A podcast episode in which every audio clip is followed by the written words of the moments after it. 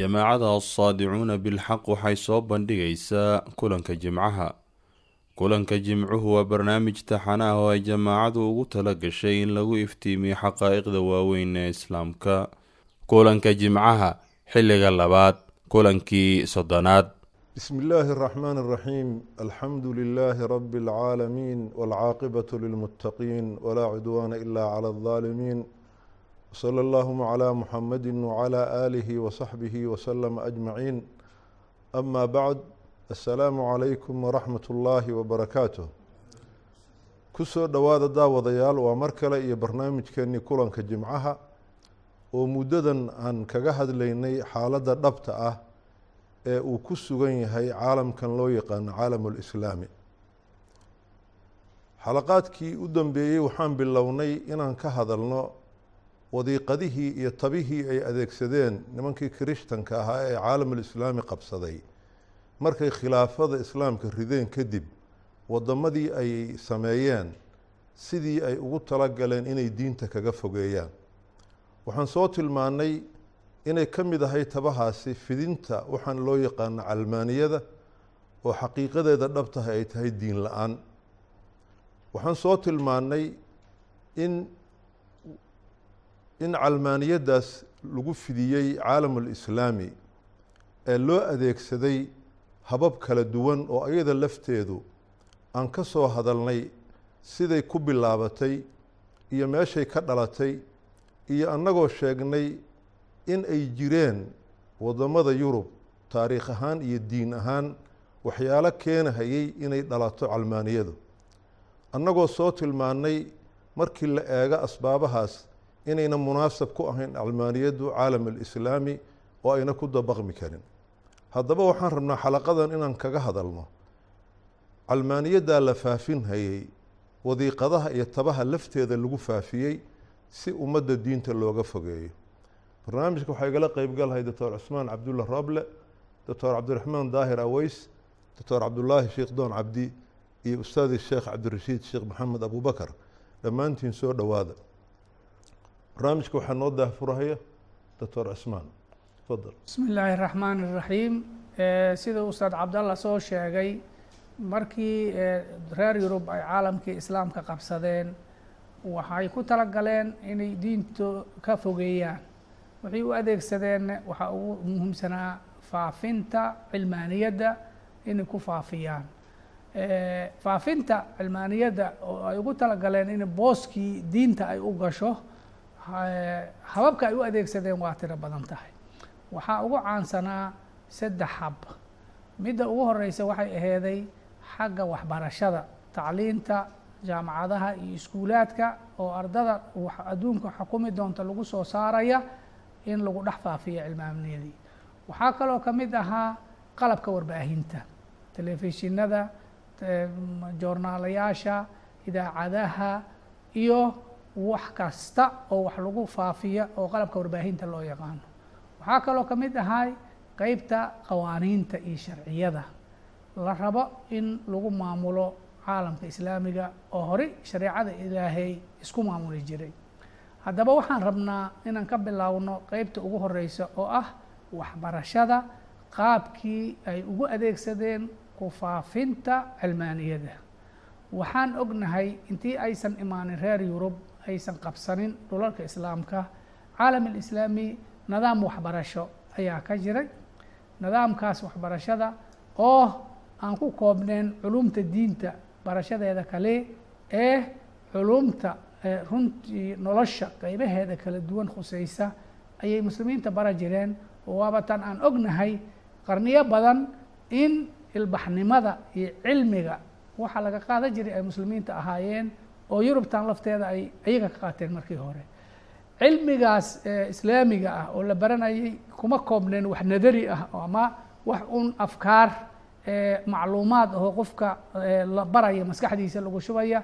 Laakiin cilmi tajriibi oo baraatika iyo culumta la yidhaha tadbiiqiga oo wax la laab lagu lagu dhaqangelinaya saldhig u ah.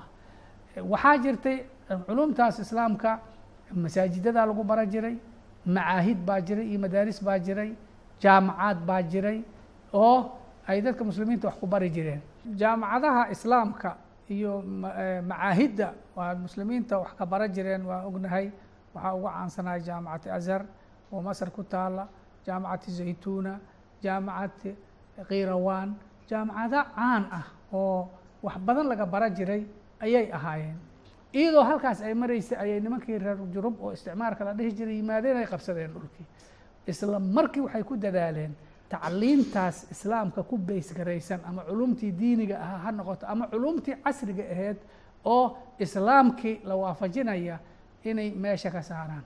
Oo ay ku bedelaan tacliintooda laa diiniga ah oo cilmaaniga ah inay ku bedelaan ayay aad iyo aada uga shaqeeyeen. Si loo soo saaro marka dambe dad aqoontaas ayaga ay habeeyeen oo habka cilmaaniga lagu habeeyey diin la'aanta lagu habeeyey dad cabsan oo aqoon-yahano ah oo ayaga markaa kabacdi faafiyo caalam alislaami oo dhan ku hogaamiya si loo soo saaro. Waxaan ognahay runtii tusaale ahaan wax la soo koobi kara ma aha waddan kasta oo waddamada muslimiinta ka mid ah oo ay qabsadeen waxay ka fureen. Marka ugu horeyso iskuulaad iyo machadyo ilaa heer jaamacado ayay ka fureen oo tacliintoodaas ku dhisan cilmaaniyada lagu lagu faafinaya. Waxaan ognahay beirut in jaamaca alamrikiya fi beirut laga furay isla jaamaca alamrikiya qaahira laga furay masar in laga furay iskuolkii la dhihi jiray caanka ahaa oo madrasati victoria la dhihi jiray annaga soomaali ahaan. Waxaan ognahay intii ay joogeen nimanka reer galbeedka ay xakumayeen isticmaalka loo yaqiinay iskuulaadka caadigood fureenoo hab cilmaani ay ugu talagaleen ka sokow missionaries qolo la dhihi jiray oo ah masiixiyiin furaya iskuulaad oo dadka ka soo baxana dadka marka dambe wax hogaaminaya ay yihiin oo caanka ahaa dadkii wax ka garanaya waktigii gumaysiga uu soomaali joogay iyo markii xataa isaga uu ka tegay ka dambe iskuulaadkii furnaa jiray ama mashinadii furnaa jiray oo gaalada maamuli jirtay magacyadooda waa la wada yaqaanaa magaalooyinka soomaaliya inta ugu caansan laga furay kuleejooyinkaas iyo macaahiddaas haddaba maxaa marka dhacay? Madaaristaas iyo jaamacadahaas la furay oo tacliintii cilmaaniga ahayd lagu lagu baranayay waxay booska ka riixeen oyna ugu talagaleen nimankaas tacliintii diiniga ahayd oo soco jirtay in amaba la tirto la joojiyo ama ugu yaraan meel ciriiri ee la geliyo oo nolosha caamka ah aysan ku yeelanin saameyn aysan ku yeelanin hadda tusaale ahaan haddaan soo qaadano masar oo meelihii ugu horreysay oo laga soo bilaabay ah ninkii caanka ahaa oo barosaafka ingiriiska oo coromar la dhihi jiray haddee waa tii uu keenay ninkii baadariga ahaa oo donlob la dhihi jiray oo u dhiibay la taliyay wasaaradda waxbarashada ee masaari waaye uu yiray oo manaahijta masar loo dejinah o dhan ninkii dejiyey oo habka cilmaanigana ku habeeyey uu ahaa. Caromar markuu ninkaa u yeeranayay oo tacliinta masar oo ashar ay hogaami jirto tacliin diini ahayd lagu bedelay tan way u cadcadeed ulajeedooyinka uu ka leeyahay tacliintan cilmaaniga ah faafinteeda iyo raadka ay reebi doonto. Buuggiisii wuxuu ku qoray caromar in uu yiray rajaha aan leenahay reer galbeed haddaan nahay oo waddamadan islaamka inay ilbaxnimada reer galbeedka iyo mabaadi'dooda afkaartooda ay qaataan oon islaamkooda ugu bedelno rajaha aan leenahay waxaa ugu weyn in madaaristaas iskuulaadkaas oo tacliinta cilmaaniga ah lagu barayo oo laadiiniga ah. Ninkaa danlooba shaqada uu qabtay oo coromar uu sidaas ugu qiray haddaan fiirino qoladii kale oo la dhihi jiray dadka kiristaanka madaarista kiristaanka oo furay ninkii ugu caansanayo zuwaymer isagane isagoo la hadlaya dadkii uu u soo dirsaday shaqadaas wuxuu yidhi waxaan gacanta ku dhignay dhammaan goobaha waxbarashada ee caalamka islaamka. Halkaas oo aan noo suuro gashay inaan soo saarno ardo afkaartii cabtay reer galbeedka aan islaamkoodina ka saarnay aanan kiristaankiina gelinin. Oo waxa noo suuro galay ay tahay in mabaadi'dii iyo afkaartii iyo dhaqankii iyo ilbaxnimadii reer galbeedka oo isticmaalka watay dad aqbalay inay noqdaan. Arrintii markii hadda masar oo kale saa loogu guulaystay waxaa lagu dabaqay caalamkii islaamka oo dhan. Ilaa markaas ay soo baxdo waxaa loo loogu magac daray alfaslu bayna alcilmi waddiin in la kala saaro diinta iyo cilmiga. Oo waxaan garanaynaa hadda waagii dambe qofkii culumtan casriga ah bartane in diin iyo wadaad iyo kutubo akhrisasho iyo cilmi uusan shaqo ku lahayn diin uusan shaqo ku lahayn. Kii raba diinta inuu qaatana inuu xer noqdo oo culumtaas islaam kale oo masaajidka ku akhristo uusan tacliinta casriga baranin. Sababtoo ah waxaaba loo rumaysnaa laba shay oo isqaado kara inaysan ahayn oo ama tan raac ama tan raac ay noqoto. Waana khatarta ugu weyn oo tacliintii diiniga lagula dagaalamay. Baaraka allah fiik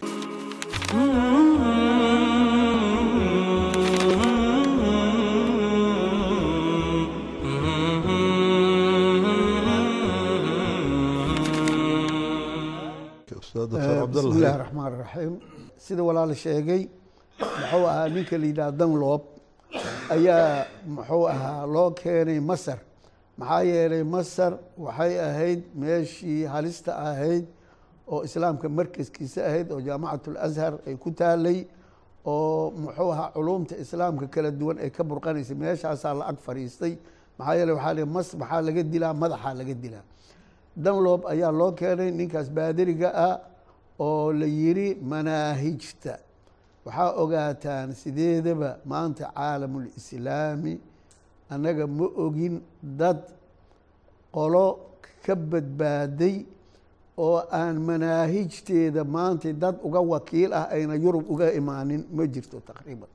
Ilaa maantayna socotaa arrintaas iyada ah marka siyaasaddii danloob oo u dejiyey waxbarashada waxay ahayd inuu furay madaaris cusub oo aan ahayn madaaristii horay u furneed imkaaniyaadkii iyo dhaqaalihii caalamka islaamigana ayagaa la wareegay. Marka qofka wax tasarufayo oo wax bixinaya waa qofka waxhaysta soo maahan. Ayagiyaa marka madaaris cusub furay oo aan sidii hadda walaal axmed cismaan soo sheegay aan calaaqa diin la lahayn ayuu maaragtay madaaristaas ay ku fureen oo wax alla wixii diin islaam ahaana bannaankaasaa la dhigay ilaa wax yaroo magaca karintir wax lagu magacaabi kara. Ah intaasay ka soo reebeen wixii kale waxay ka dhigeen madaarasta madaaristaas calmaaniga ah. Tii ayada ahayd ayay waxay siiyeen mudnaanta koowaad oo ninkii ka soo baxa uu noqonayo ninka ugu horreeya oo shaqa hadday jirtaba hela. Ninka ugu horreeya oo shahaada hadday jirta qaata ninka ugu horreeya oo magaca ugu sarreeya haysta. Sidaas baa laga dhigay waana midii maaratay ninkii mustashriq ahaayoo jiib la dhihi jiray ou ku faanayo lahaa sideedaba tacliimta calmaaniga ah inaan waddamada caalamulislaami khaasatan masar iyo hindi oo markaa maaragtay populationka iyo mujtamaca ugu badan ay joogeen maraakistana aheyd inaan ku fulino waxaa wakiil nooga ah ingiriiska ayaa wakiil nooga ah. Ingiriiskana hadda dabkaa dabcan nimankan hadda laga sheekeynayo nimanka keenay wey taas marka waxay keentay in ayaga madaaristooda wixii ka soo baxo shaqa haddii jirtaba inay ayagu helaan haddii magac jiro inay helaan dadka ugu sareeya inay noqdaan baynamaa jaamacat alazharkii saxda ahaa ama azharoo dhan wixii ka soo baxaa ay adag tahayba in la yidhaahdo shaqaa lagu siiyey inay adagta shaqo helo. Haddii shaqo la siiyana waxaa la siinayaa wax xaajadiisa aan waxba aan ka muxuu ahaa bal waxaa la gaaray madaaristooda dadka dhiganaya waxaa la sii jiray wax bokatmani lagu magacaabo oo ninkan ka soo baxay ashar mushaarkiisa. Ka badan ayaa la sii jiray. Halkaasaa la gaarsiiyey. Taladii iyo awooddiina halkaas bay ayagay gacanta u gashay. Taas waa meeshaas weeye meesha kale waxyaabihii diiniga ahaa oo ay diinku magacaabeen. Waxay ka geliyeen madaaristii ayaga eed meesha ugu dambaysa oo ardaygii saakay galaha soo galay duhurkii markuu daalow tacbaan noqdo meeshaasaa la geliyey. Waxaa loo dhiibay dadkii ugu duqsanaa oo ugu muxuu aha caajisanaa ayaa loo dhiibay. Barnaamijtaas ayadaa ayaa macalimiin looga dhigay. Ilaa ardayga oo u qaato haddii diinta muxuu ahaa waa garanaysaan qof awalba tacbaan iska ahayoo nooleyn iyo xisadii ugu dambeysay malal iyo waxaa ku dhacay sa-aama iyo daal ayaa ku dhacay. Markaasaa waxaa loo qaday diinba waa la isla nacbaa qori iyo qaacis waa la isla tuuraa diin iyo muxuu ahaa ninka soo gelayo oo wataba in la isla dhaco ayay gaartay. Waxaa intaa weelida in muxuu ahaa xataa waxyaabaha la dhigaayo wax nolosha calaaqa la leh wax horumarintii iyo waaqiciyeyntii muxuu ahaa diinta aan shaqo ku lahayn oo xoogaa wacdi ah oo marar qaar maaragtay cibaadaadka qaarkood looga sheekeeyo ama aakhare xoogaa looga sheekeeyo lagu wacdiyo wax ku eg ayay noqdeen. Baynamaa wax alla wixii ay leeyihiin culuumul casariya iyo calmaaniyiintii la isku xiray. Ujeeddada marka arrintaa iyada ah ma ahayn jaanibkii diinta keliya jaanibkii luqa alcarabiyana nafsa sheey ayaa loo sameeyey meeshaas baa la dhigay hadafka marka meeshaasoo dhan laga lahaa waxay ahayd in la soo saaro madaarisaas iyo dadki ka soo baxay kuwaana dhulka hoostooda la geliyo ilaa ay gaareen in ay muxuu ahaa maaragtay ardaydii ka soo baxda madaaristooda ardaydii ka soo baxdo laba qaybood. In loo qaybiyo qeybna jaamacaad iyo macaahid sare in waxbarasho looga dhigo qeybna loo diro wadamadii ay ayagu ka yimaadeen oo afkaartan ay ka keeneen. Hadafko dhanna waxuu ahaa markii la isku geeyo in jiilkaas ama ummaddaas muslimiinta aheed dadka hogaaminaya ay noqdaan dadka madaaristaas ka soo baxay. Xataa maaragtay annagu hadda meelo kale aan ka sheekeynayna soomaaliya nafteeday ka dhacday. Oo mashiinada hadda laga sheekeynayey dadkii ka soo baxay ayaa maaragtay hawsha soomaaliya oo dhan horboodayey dadkii maaragtay aqoon-yahanta ahay dadkii magaca lahay dadkaas baa laga dhigay. Ilaa maaragtay ay gaartay waktigii arinta diinta la yiraahdo ama luga alcarabiya la yiraahdo waktigii towradii siyaad bare waxay soo gaartay inay iyaduna noqoto dayli lkaafir shayga ugu liita oo ardadu ay ka kala baxdo. Xataa maaragtay wakhtiyaalka imtixaanaadka la qaadayo wax wasni arday ugu fadhida male ardaygu wax ku wey maayo ardaygu ku dhici maayo xataa marar qaar waxaa dhacda inaanba imtixaanaadka lagu soo darinba. Marka intaas waxay ahayd shaqo la haayey iyadoo dadka shaqadaas laga haayana ay dhegweynaan yihiin ay sii jeedaan. Marka meesha arintu meesha beyna yowmin waleyla kuma ay gaarine waxay ku gaartay shaqadaas la qabtay baleenkaas loo degsaday taqdiidkaas loo degsaday wax maaragtay laba boqol oo sano yacni ku dhow ayaa qorshahaas oo nagu fulay baaraka allah fiik. Ustaad cabdirashiid haye bismi illahi raxmaan raxiim sida walaalihi ay soo sheegeen maara doctor cusmaan iyo doctor cabdallah waxaan shaki ku jirin macnaha hadafka oo asaasiga ay nimankan lahaayeen inuu ahaa maaragtay in horta dadka macnaha muslimiinta ah in diintooda laga fogeeyo isla markaasina macnaha la jecleysiiye mataqaanaa ilbaxnimada reer yurub. Waxaa marka waxyaalaha ay macnaha ay culayska saareen oo macnaha ku saabsan waxbarashada waxaa ka mid ahaa daraasatu taarikh alislaami taariikhda islaamka in macnaha la daraaseeyo laakiin xaggee laga daraaseynaya macnaha qaloocii macnaha galay dadka muslimiinta ah taariikhdaas in macnaha aada iyo aada culays loo saaro oo macnaha laga dhigo macnaha taariikh alwaxiid lilmuslimiin muslimiinta taarikhda ay leeyihinba inay tahay taariikh madow oo dagaale iyo loolan iyo oo macnaha maaragtay markii laga soo bilaabo dowladdii macnaha bani umaya kale ku xigtay macnaha bani cabaas kuwa baas oo dhan mataqaanaa macnaha runtii waxaa jiray xagga xukunka macnaha macnaha qalooc baa ka jiray xukaamta muslimiinta macnaha khilaafadii macnaha raashid wixii ka dambeeyey akhtaa bay lahaayeen laakiin wanaagooda ayaa ka badnaa macnaha akhtaaddooda sidaa daraaddeed macnaha maarata in la muujiyo keliya akhtaada keliya in la muujiyo la ibraasiyo waa hadaf oo macnaha khabiida oo runtii la rabo in dadka macnaha maarata xukaamta suuradooda la shawaho laakiin waxaan shaki ku jirin inay macnaha xasanaad fara badan ay lahaayeen. Sharcigan ilahay macnaha dadka ku dhaqayeen mataqaana sidoo kale waxaa macnaha muslimiinta macnaha taariikhda ay macnaha qariyeen ka mid ah xadaarada islaamka oo macnaha ahayd runtii macnaha shucaaci mataqaana caalamka oo dhan macnaha gaaray. Oo xataa macnaha reer yurub markii ay macnaha maaratay ixtikaag ay la sameeyeen dadka muslimiinta ah ay ogaadeen ilbaxnimada iyo xadaarada dhabta ah inay dadka muslimiinta macnaha ay maarata haystaan. Taana macnaha waa la qariyey. Waxaa kaloo macnaha la qariyey alcadl rabbaani ilaahi subxaana watacaala wuxuu xataa macnaha noo sheegaya fii kitaabihi nin yahuud oo mataqaanaa la tuhmay oo macnaha beri ah inuu ilaahay u beri yeelay maarta inaa anzalnaa ilayka alkitaaba bilxaq litaxkum bayna annaasi bima araaka allah walaa takun lilkhaa'iniina khasiima wastakfir illah ina allaha kaana gafuur raxiima walaa tujaadil can aladiina yakhtaanuuna anfusahum ina allaha laa yuxibu man kaana khawaan atiima ninkaas yahuudiga ninkaas yahuudiga waa macnaha la tuhmay tuhmo oo macnaha soo beri u ka yahay lakiin ilahi subxaana watacala min fowqi sabca samaawaat ayuu beri yaalay. Taa waxay ku tusinaysaa muslimiinta inay macnaha waxaa saldhigu ama taqaana cadaalad ama qofka muslim ha aado muslim ahaanin in macnaha maarata loo garsooro. Waxaasoo dhan yani macnaha waa la qariyay sidoo kale taariikhda islaamka ama xadaarada islaamka waxay la timid.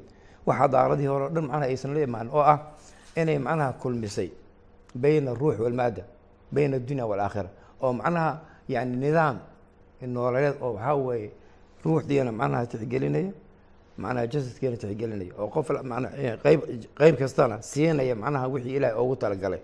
Wabtaqi fima aataaka allahu daara alaakhira walaa tansa nasiibaka min addunya waaxsin kama axsan ilayk walaa tabqi lfasaad fi lard ilahay saasuu leeyahy adduunyada mataqaana manaa wabtaqi fima aataaka allahu daar wixii ilahay uu ku siiyo dhan ilaahay macnaha muxuu le aakhira laad walaa tansa nasiibaka nasiibka macnaha iyo nolosha xadka aad ku leedahay adduunyadan ha iloobin. Marka taa waxaa weeye waa yani yahuudda. Waxay macnaha aada iyo aad macnaha culays u saareen macnaha maar jaanibka maadiga macnaha nasaaradan macnaha jaanibka ruuxda. Laakiin islaamka maadaama uu yahay diin rabbaani ah wuxuu macnaha kulmiyey bayna ruuxi macnaha walmaada wa bayna addunya walaakhira marka sidaa daraaddeed waxaas oo dhan oo macnaha maarata maxaa ah safxa macnaha cad oo macnaha islaamka uu mataqaana ka tegey way qariyeen. Sababtan macnaha hadafku wuxuu ahaa in la dilo mataqaanaa qofka muslimka an yactaza bi hada diin bal inuu macnaha ka cararo oo macnaha uu cararo xadaaradooda diintiisana uu ka cararo. Marka sidaa daraaddeed waxaanu leenahay runtii ummadda macnaha taariikhdeeda waxaa lagu sameeyey mactamsi waa la tirtiray. Dadkaas macnaha maarata macnaha tirtirayna waa reer yurub. Dadkii macnaha ay macnaha waxaas cabsiiyeen waa kuwa hadda maanta madaxda ah oo diin aan lagu soo sheegi karin oo calmaanihii saas macnaha loo cabsiiyey maarata marka waxaan ooga digaynaa in macnaha taariikhdaas macnaha masmuumka waa taarikh sumaysan wey inaan macnaha laga dhiga macnaha taarikhda islaamka islaamka taarikhdiisa macnaha waa nasaaca baydaa marka aad bay u caddahay. Dadka macnaha taariikhda macnaha daraasay oo munsifiinta ah oo xataa reer yurub waxay macnaha leeyihiin shamsul macnaha shamsul islaami tashruqu fii oroba qoraxdii mataqaana islaamka orobay macnaha mataqaana u soo macnaha baxday. Bimacnaa mugdi bay ku jireen muslimiinta macnaha taariikhda markay macnaha ixtikaag la sameeyeen ayaa ilbaxnimo ugu horreysay mataqaana baaraka allah fiik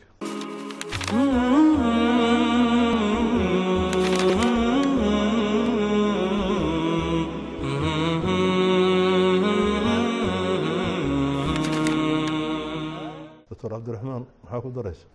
Bismi illahi raxmaan raxiim dhinaca kale ardaygii ama ardadii waxbaranaysa ee goobaha waxbarashada joogtay waxaa loo gudbiyey ama la cabsiiyey daraasaad ku saabsan yurub oo bannaanka la soo dhigayo intay isleeyihiin waa ku fiicantihiin la qarinayo wax allaalay wixii fadaa'icaha ay lahaayeen. Daraasaad u muujinayaa ardaga yurub inay tahay caalam alcilmi oo meel kaloo cilmi ka jiro ousan jirin ayada loo aadayo indhaha lagu taagayo. Yurub inay tahay caalam alxadaara ilbaxnimada inay tahay hoygeedii meeshii loo aadayey meel kaloo ilbaxnimo ka jirto aysan jirin. Yurub inay tahay caalam alqiyam qiyam waxaa la yidhaha wax kasta oo bini aadamku uu qiimeeyo oo noloshiisa yacni waxa weeye ou ku dhiso ayaa la yidhaha.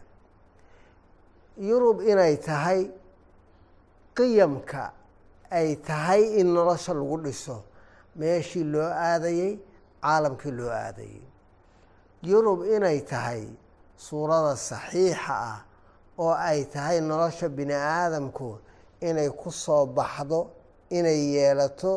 Suuradii alla subxaanahu wa tacaala wuxuu kitaabkiisa nagu baray tacaaliim lagu siiyey qur'aankan oo masdar u ah tacliimta islaamka inuu yahay midka ku hanuuninaya lilatii hiya aqwam.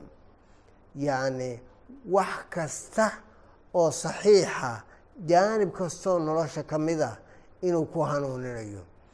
Si yacni waxa weeye ayagoo midhaa ka maaragtay isu muujinaya kadiban wasuuran inay tahay yurub waxa weeye suurada saxiixa oo ay tahay inay nolosha bini aadamku ay qaadato dhinac kasta haddii ay tahay xagga afkaarta iyo muctaqadaadka. Haddii ay tahay xagga intaajka maadiga haddii ay tahay xagga horumarka akhlaaqiga haddii ay tahay jaanibka yani waxa weeye dhaqaalaha ah jaanibka bulshaynimo akhlaaqiyaadka lagu xiriirayo dhinac kasta inay yurub ay ka tahay miisaalka ama numuudajka ama tusmaha tusaalaha ay tahay nolosha bini aadamku inay ku soo baxdo. Inay tahay saas ayaa loo daraaseeyey oo ardaygii la cabsiiyey oo laga dhaadhiciyey.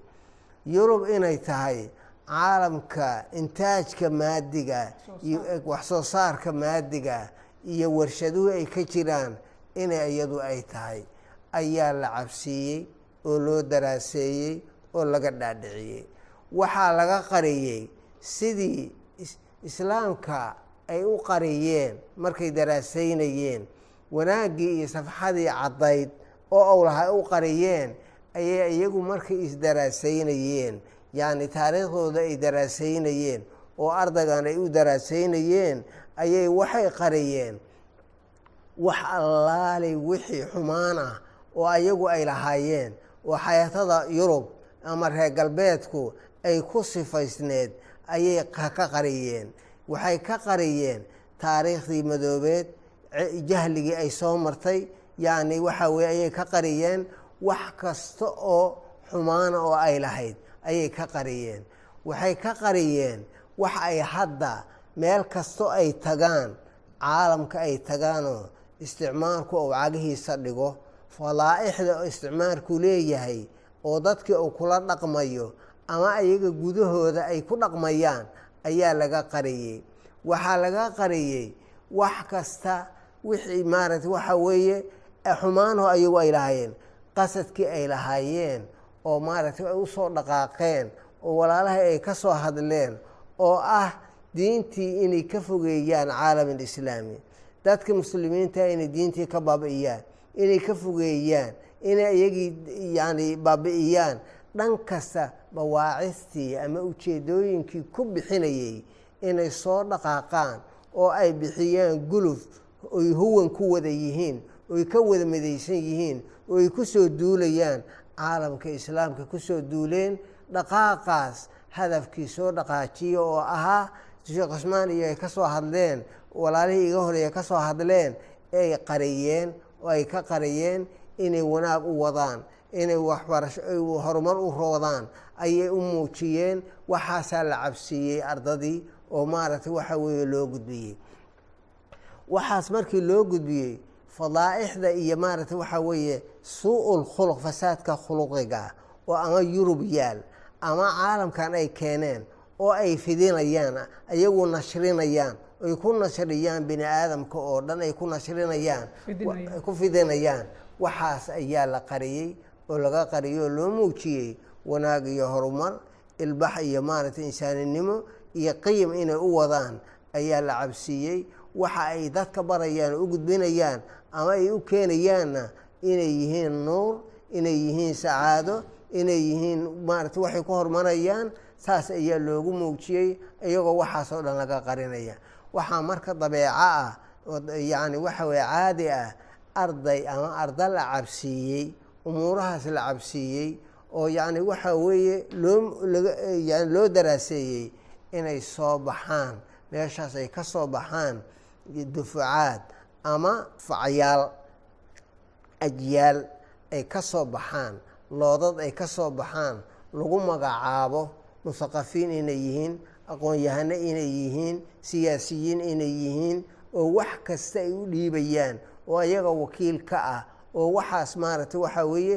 diintoodii ka cararaya islaamkii ka cararaya aan aqoonin oo johlaha ka ah yacni shaqo aan ku lahayn bal ee maaragtay u arkaya wax mudan in lala dagaalamo oo nolosha laga fogeeyo oo maaragtay waxa weeye inuu yahay cilmaaniya inay tahay cilmaaniyada ay yurub u wado in ay tahay waxa ay waajibka ay ku tahay in nolosha lagu dhiso in la qaato in ayada la tabaniyo islaamkiina laga tago. Yacni waxa weeye ayaa meeshii ka soo baxay. Wax allaali wixii danloob iyo coromar ahdaafo ay lahaayeen iyo maaragtay ujeedooyin ay lahaayeen inay meeshii ka soo baxaan oo ardadii ay saa ku soo baxaan oo ay maaragtay waxaa weeye ayaa dabeeci ah. Waxay uga bilaabeen iskoolkii hoose iskoolkii dhexe iskoolkii sare ilaa jaamacadday wadeen intaasay wadeen. Marka waa shay dabeeci ah in dadkaasu soo baxo oo diintoodii ka cararaya lana dagaalamay. Waa mahadsantihiin. Daawadayaal arrintan hadda aan ka hadlayno ee ah habkan calmaaniyada loo fidiyey ee la soo tilmaamay hadda qeybta ugu muhiimsan ay tahay xaggii waxbarashada waxaan u malaynhayaa qof walba oo waxgaranhayaa inuu fahmi karo. Laakiin waxaa laga yaabaa meesha wax ka yimideen inaan la garanaynin. Waxaan ognaha hadda oo aan laba isku khilaafaynin. Yacni muxuu ahaa reer kasta oo soomaaliya jooga. In waxbarashada ardayga lagula dadaalahayo ee waktigiisa lagu bixinhayo oo lacagta loo ogol yahay inay tahay waxbarashadan culumta maadiga. Laakiin dhankan diinta marka la yihaah waaga uu yar yahay in qur'aan la xifdisiiyo uusan macnihiisa fahmayn laguna garaaco oo cuqdadba laga geliyo hadduu ayaan sii socdan oo isagaba tago. Waxaan u malaynhayaa wax la wada og yahay wey labaatan sannadood baa ardaygan lacag lala daba taagan yahay hadduu iskuulka ka baaqdo lala dirirhayaa laakiin tan kale xisaabku ma jirto. Cid isweydiinaysa ma oo qorshaba ay ugu jirto. Waxaa dadku waxaa laga yaabaa in isaga haystaan inay caadi tahay. Laakiin caadi maaha waa barnaamijkan wey in barnaamijka dadka laga fogeeyo diinta oyna diinta aqoonin. Mushkiladda arrintaasu dhalisay waxaan u malaynayaa cid kastoo cadaaladda u dhow way garanaysaa. Maantay waxaad arkaysaa nin lagu leeyahay waa barofesor waxaa lagu leeyahay waa doctor waxaa lagu leeyahay waa injineer xataa sida loo weysaysta ma yaqaan xataa sida loo istijoodo ma yaqaano waa nin dhanoo weyn ceebna isugumuu haysto. Cid ku ceebinaysaana ma jirto bal wuu ku faani inuusan diinba aqoonin. Shaqaba uusan ku baynamaa ay dhici karta hadduu luqadahan uu bartay iyo xoogaagan uu bartay wax yari ka khaldamaana inuu nin ceebaysan yahay. Dhinaca kale ninkii wadaadka ahaa ee luuqa la geliyey ee looga dhigay hadduu diin rabo inuusan adduunyaba u soo dhowaan ee xerowga ahaana waxaa weeye noloshii waa laga saara qeybba kuma lahaba. Inta ishaysata shaqo kuma le daalika waad ogtihiinoo waxaa noo samaysmay halhays la yidhaaho. Haddii la arka nin diin sheegan haya oo siyaasad soo galahaya ha wadaadkana maxaa wada? Wadaadku muxuu doonahayaa? Oo wadaadku miyuusan nin ragahood waxa la raadinhay raadin miyuusan ahayn. Macnaha waxay ku tusinaysaa sida meesha bahashana la gaarsiiyey. Laakiin meesha aan rabnay inaan muujinaa waxay tahay war wuxuu iskama ahaanin qadiyaddu sidaan ma ahaan ee waa laga shaqeeyey. Waa loo howlgalay lacag baa loo huray wakti baa loo huray. Halka qolada kale loo tashanhayee laga shaqaynhaya ay hurdahayeen. Waxaana rabnaa inay isugu kiin xiranto arrintani ma socoteen haddaan dadka marka hore caqiidada lagala dagaalamin. Oon ilaahay laga fogeyn subxaanahu wa tacaala. Markaa hilib bisil bay noqdeenoo de sidii la rabaa loo loo loo samaysta. Haddana waan ognahay cid walba oo nimankaasi ay soo barbaariyaan oo ayagu ay keenaan weeye cidda caalamulislaami ka talinaysa. Intii kale waxaa weeye tala mala. Waxaan u malayn arrintaasi inay arrin aada iyo aada waadixu tahay. Waxaana u jeednaa oon rabnaa inay dadku fahmaan war meeshan dagaal baa jira la sogordahahayo oo aan la muujinayn. Inkastoo waayahan dambeda sheekadii iskaba noqotay de wax lagu faanaba oo inaad qarsoodiba ahayn. Laakiin waxaan rabnaa ummaddani meesha ay tagtay. Sida doctor cabdullaahi u yimid gelin maalin gelinkeed iyo kuma tegin. Ee barnaamij aada u dheer oo dhowr boqol oo sano socday ayaa fulay. Sida keliya ee waxaan wax looga qaban karan waxaa weye meeshii dadka laga wareemay oo ahayd inay diintoodii ka marin habaabeen in dib loogu celiyo. Waana midda jamaacatu saadicuun ay rabto dadka inay ku jeedisoo ah war alle subxaanahu wa tacaala ummaddani maalintay dadka noqotay. Waa maalintay alle isu dhiibtay oo wax walba ay hanatay oo adduunka hogaamisay maalintay xariggaa sii daysayna waa maalinta ay tagtay sagxadda ugu hooseysa iyo dadaan waxba ahayn marka intaan xalaqo kale ku kulmayno waxaan idin leenahay assalaamu calaykum waraxmat ullaahi wabarakaatu هذا بلاغ للناس ولينذروا به وليعلموا أنما هو إله واحد وليعلموا أنما هو إله واحد وليذكر أولو الألباب